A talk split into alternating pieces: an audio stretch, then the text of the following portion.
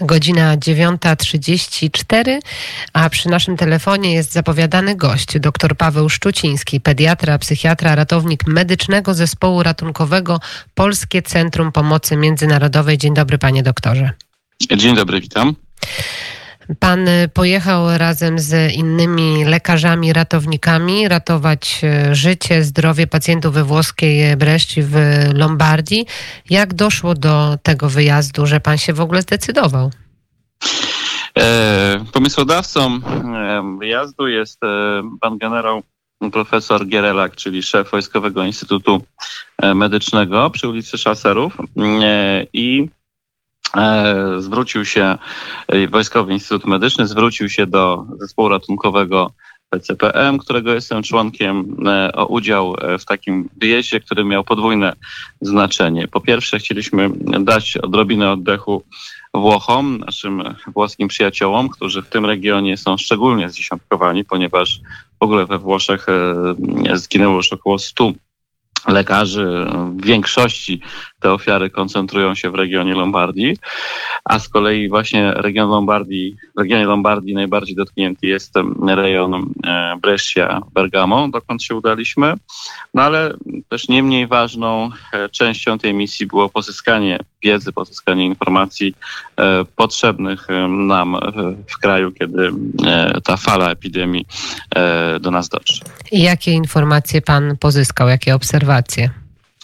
Więc przede wszystkim uzyskaliśmy protokoły, e, algorytmy lecznicze, e, które w tej chwili, z którymi w tej chwili dzielimy się e, z naszymi kolegami, przede wszystkim z anestezjologami i w oparciu o to będą dopracowywane, modyfikowane protokoły lecznicze postępowania, w szczególności w trudnych przypadkach klinicznych leczenia COVID-19.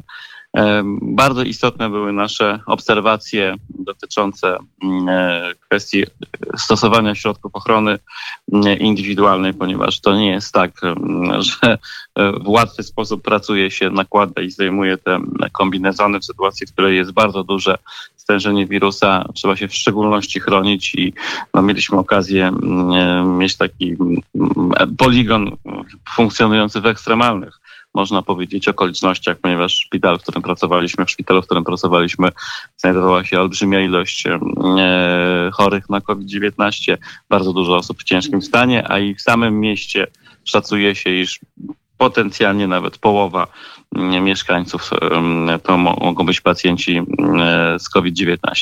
No i wreszcie taki wniosek, e, to co mówili wielokrotnie e, pracownicy medyczni, e, z którymi rozmawialiśmy, bezwzględna konieczność izolacji, stosowania się do tych reguł. Chcieliśmy zobaczyć, jak to wygląda, jak oni to oceniają jako praktycy, ponieważ proszę pamiętać, że przez te oddziały no, przewinęły się tysiące, tysiące pacjentów. W związku z tym bardzo cenna mm, wiedza dla nas.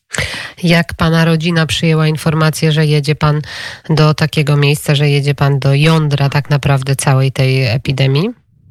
No, e, ja jestem dosyć doświadczonym uczestnikiem misji medycznych e, od szeregu lat bywam w, regionach, e, w tym w regionach dużego zagrożenia epidemiologicznego. Pracowałem między innymi w ośrodku rehabilitacji trendowatych e, w Indiach. Pracowałem po trzęsieniu ziemi e, w Peru. Pracowałem też w irackim Kurdystanie w 2016 roku w okolicach Mosulu. W związku z tym jakby rodzina jest już trochę przyzwyczajona. E, natomiast no, uspokajałem mm, ich, iż jesteśmy dobrze przygotowani. Tym razem będziemy korzystać i z doświadczeń mm, cywilnych, i z doświadczeń wojskowych, tak więc, tak więc no, nie, nie, bez, nie bez stresu, ale dostałem zgodę na ten wyjazd. No, powiedział Pan o tym, że wrócili Państwo całą ekipą. Jak wynik na test korowin, koron, koronawirusa u Pana i u pozostałych członków? Już na płycie lotniska po wylądowaniu um, przeszliśmy test na obecność koronawirusa i na szczęście u wszystkich ten test wyszedł negatywnie. Teraz będziemy mieli w trakcie kwarantanny przeprowadzony kolejny test, ale wszyscy się bardzo dobrze czujemy, jesteśmy, jesteśmy w dobrej formie, tak więc wydaje się, iż, iż jest wielka szansa, że, że e, unikniemy zainfekowania. Powiedział Pan o tej setce lekarzy, którzy zmarli. To nasuwa się od razu pytanie, jakie procedury nie zostały dopełnione. A poza tym, a drugie pytanie to, gdzie Włosi popełnili błąd, że no, ten koronawirus rozprzestrzenił się w takim zatrważającym tempie? No, przede wszystkim e, Włosi mieli olbrzymiego pecha, ponieważ e, e, był to pierwszy kraj, do którego w Europie dotarła epidemia koronawirusa.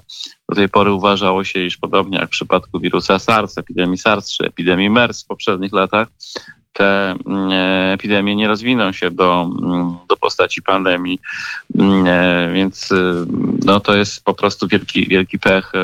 Każde państwo, które jako pierwsze by padło ofiarą tej epidemii w Europie, z całą pewnością miałby, miałby podobne problemy. Po drugie, niestety, ale tutaj cechy, za które kochamy Włochów, e, okazały się być dla nich zgubne. Tak? Jak wiemy, oni się spotykają, oni mm, razem biesiadują. E, dodatkowo w samym Bergamo rozgrywany był mecz Ligi Mistrzów Atalanta-Bergamo-Valencia, gdzie ogromna ilość mieszkańców miasta przyszła na to spotkanie, a później świętowała, co jak Włosi uważają przyczyniło się do rozwoju epidemii. W związku z tym mm, tutaj nałożył się cały szereg elementów. Natomiast rzeczywiście mm, w sytuacji takiego ogromnego e, ataku epidemii i w sytuacji, w której to trwa dość długi czas, to przestrzeganie e, zasad, e, mm, takie, takie reżimowe przestrzeganie zasad stosowania środków ochrony indywidualnej jest po prostu trudne i bywa męczące, o ile w ogóle te środki są. Tak? No, my pracując po 12 godzin w szpitalu w tych goglach, skafandrach, podwójnych rękawiczkach, no po prostu mm, to, to, jest, to, to potrafi być nie tylko, że jest gorąco, tak, nie tylko, że się gorzej człowiek tym porusza, ale, ale kiedy się wpija e, chociażby guma od maski w twarz, to, to, to jest bolesne. W związku z tym długotrwałe narażenie na pracę w tego typu warunkach powoduje luzowanie tej dyscypliny, no a to niestety szeregu wypadków prawdopodobnie kończyło się tragicznie. Panie doktorze, takie obrazki, takie informacje, które płyną do nas przede wszystkim z Włoch, to są przepełnione szpitale, to są y, pacjenci, którzy muszą być na korytarzach. No i ta najgorsza informacja to są respiratory, gdzie lekarze muszą decydować, komu ten respirator y, dać, komu go podłączyć, komu nie. Jak wyglądała ta praca właśnie na oddziale, jak wyglądała ta praca z respiratorami? Tak, to znaczy e, szpital, do którego przyjechaliśmy, on do pewnego momentu był e, rzeczywiście sparaliżowany tą bardzo dużą ilością ludzi, którzy tam się gromadzili. Mm, no niestety, ponieważ przez to ludzie zdrowi zarażali się od ludzi chorych, Włosi prowadzili mm, taką zasadę, że e, leczymy się w domu jednocześnie, a jedynie ciężkie przypadki są transportowane przy pomocy specjalnych karetek, bądź przypadku szczególnie ciężkich mm, przypadków E, śmigłowcem do, do szpitala. W związku z tym szpital nie był przepełniony. Nie, nie, nie, nie było tak, że nie mogliśmy się poruszać po szpitalu. Były pełne sale, tak, były pełne ojomy, natomiast, natomiast e, to nie tak, że, że kłębiły się tam tłumy. Z drugiej jednak strony oczywiście wszyscy mieliśmy świadomość, że część osób w cięższym stanie no, nie zdąży dotrzeć, tak na czas, na czas do szpitala. Więc jakby mm, ta cisza była też e, pełna, pełna grozy. Tak? To, że te mm, korytarze i to, że ulice Bresci były puste, wiedzieliśmy, że tam się w mieszkaniach często toczą dramaty. Natomiast co do pytania o respiratory, tak, rzeczywiście zapadały decyzje o zaprzestaniu terapii e, i o zwalnianiu respiratorów dla potencjalnych e, kolejnych pacjentów i to jest zawsze bardzo trudne. Mm, dla personelu medycznego. Natomiast e, na szczęście w tej chwili liczba mm, osób, które korzystają z intensywnej terapii spada. W związku z tym wydaje się, że tego problemu już, już nie będzie. Mm, e, sukcesywnie, sukcesywnie zmniejsza się liczba pacjentów w tym najcięższym stanie, więc najgorsze Włosi mają ze sobą. Co pan najbardziej zapamięta z tego wyjazdu? Co najbardziej panu utkwiło w pamięci? No, taką, taka przejmująca rozmowa z anestezjolog włoską, z którą pracowaliśmy mm, e, na co dzień, która kiedy właśnie zapadła decyzja, że, że jeden z pacjentów musi zostać odłączony, ponieważ, e, ponieważ ten stan się pogarszał i mimo prób, mimo prób e, odłączenia go od respiratora i przejścia na samodzielny oddech, to się, to się absolutnie nie udawało. No powiedziała, że w zasadzie to jest po, po ponad jej siły, że musi nie dość, że informować rodzinę o tym, że pacjent, e, że pacjent, że ich bliski mm, e, umarł, to jeszcze to ciało zostanie skremowane, a na pogrzebie będą tylko i wyłącznie grabarze. W związku z tym rodzina nie dość, że traci swego bliskiego, to jeszcze nie miała możliwości pobyć z nim w jego ostatnich chwilach, co przecież dla Włochów, w ogóle dla Europejczyków, ale w szczególności dla Włochów jest bardzo istotne w naszej kulturze, to jeszcze w dodatku nie mogą go, e, nie mogą go pożegnać e, podczas ceremonii pogrzebowej. Więc jakby skutki mm, psychiczne dla wszystkich uczestników tego typu sytuacji są, są wyjątkowo trudne. A jak e, pan doktor patrzył na to, jak zachowują się ludzie młodzi, bo pokutuje takie przekonanie, że raczej ludzie młodzi, jeżeli chorują, to mm, łatwo to przechodzą albo bezobjawowo. A jak to było we Włoszech? No nam nasi koledzy już bardzo wcześnie powiedzieli, że niestety ze z dużą trwogą obserwują, że ta, mm, ta średnia wieku się obniża, że to nie jest tak, że że umierają i są w ciężkim stanie tylko najstarsi mieszkańcy. Oczywiście, jak najbardziej. Tak, y, to jest ta grupa największego ryzyka, ale również u młodych ludzi proces potrafi być bardzo podstępny, ponieważ pacjenci się czują dobrze, te mechanizmy kompensacyjne dobrze funkcjonują, po czym dochodzi do gwałtownego załamania się tej obrony organizmu i, i ten stan się potrafi bardzo szybko, nawet w ciągu pół godziny e, pogorszyć, tak że, że, dana osoba musi znaleźć się e, pod respiratorem. E, I, I zdarzają się oczywiście tragiczne tego finały, tak więc mieliśmy tego świadomość. Z drugiej strony, e, mieszkając obserwując okoliczne, okoliczne domy, widzieliśmy kiedyś młodych ludzi, którzy weszli na dachy z jednego z budynków i tam, tam biegali. uprawiali jogging, tak więc, tak więc już na tym etapie, na którym my znaleźliśmy się we Włoszech, w Bresci, e, konkretnie w Bresci, e, ten reżim niewychodzenia z domu był bardzo mocno przestrzegany. Z Pana obserwacji, obserwacji oczywiście włoskich lekarzy, jakie są główne pierwsze objawy e, choroby? Gorączka, e, suchy kaszel,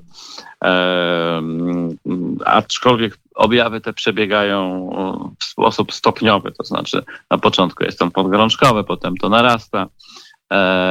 To nie jest tak, że mm, to nie jest tak jak w grypie, tak, że ścina człowieka mm, od razu z nóg. To się, ta infekcja się rozwija stopniowo, ale ten taki suchy kaszel mm, i gorączka to są w klatce piersiowej, to są e, sygnały, e, sygnały ostrzegawcze.